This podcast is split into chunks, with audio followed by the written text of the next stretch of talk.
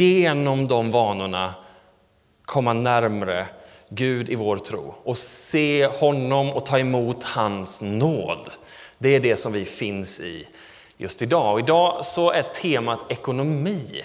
Hur kan man hantera ekonomin på ett sätt så att det får bli en vana som fokuserar vår blick på Herren. Och då är det så att då har jag bett Tatta Lennartsson som är pastor i Uppsala att tala idag. Du får jättegärna komma fram hit.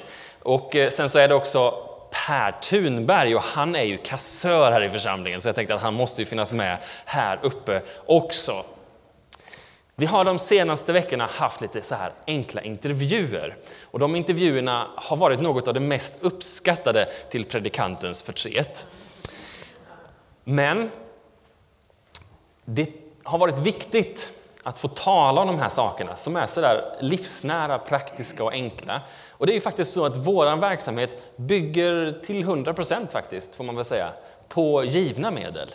Allting det som vi gör här är för att vi får in saker som andra är med och ger hit. Och vi är jättetacksamma för alla som är med och ger och alla som är med och investerar och tycker att det är superstort. Men det är inte bara så att vi ger för att vi ska få det här att gå runt, utan vi ger som en bön.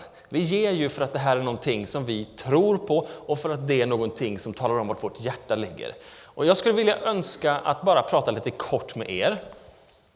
När ni ger, varför ger ni då? Per? Eh, jag ger.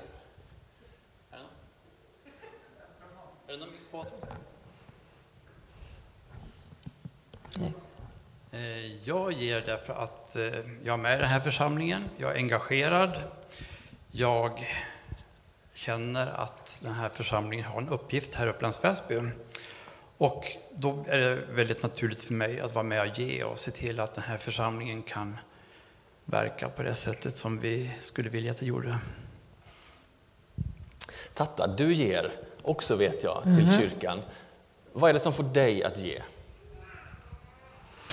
Jag tror att det är en kombination av att jag tror faktiskt att Gud vill det. Han har bett om det, det står i hans ord. Och jag tror inte heller att det är oviktigt att jag har sett en mamma, en pappa, en mormor och morfar och en farmor och en farfar visa den vägen. Det tror jag faktiskt spelar ganska stor roll. Om man nu tänker så här, okej, okay, jag sitter här eller är med på webben och ge. Det kanske man ska göra och det ska vi tala mer om i predikan varför man gör det. Men om man nu vill börja och ge, hur börjar man att ge? Och hur mycket ska man ge och hur ofta ska man ge och vad är det här för någonting? Finns det några principer eller något som man kan tala om på det sättet? Jag försöker faktiskt hålla mig till det här med ge tionde för en full tionde till Guds hus. Eh, och det har inte varit så svårt som jag trodde när jag väl började liksom göra efter den principen. Så har det gått väldigt bra. Och eh, jag gör väl så att eh, jag ser inte det här med tionde som en oförutsedd utgift i slutet på månaden om det blir några pengar kvar, utan det är väl bland det första som man lägger liksom man samlar ihop sina räkningar att ge till kyrkan. Och sen så brukar det faktiskt gå ihop sig på slutet i alla fall. Att tala pengar, det är vi ju lite rädda för generellt sett i Sverige. Och att prata så här, vi kan prata om väldigt mycket känslor, men vi pratar inte pengar. Varför ska vi prata om pengar? Nej, men jag tror det här är ju verkligen, det angår exakt alla. Vi har mer eller mindre, men vi har pengar och, och sätta det på något sätt i relation till efterföljden. Vad, vad, betyder något för oss? Vad vill vi investera i? Att ha något som är större än, än sitt eget. Jag brukar också, precis som Per, per sa här, jag, jag brukar vara, när räkningshögen ligger där, så, men jag har faktiskt inte, det här är då lite, så där kan man välja. Autogiro har en del, för då, då bara händer det. Men jag vill faktiskt, jag vill göra den där transaktionen. Det, det, tror jag faktiskt gör något med mitt, jag tror inte det gör något för Gud, men det gör något med mig.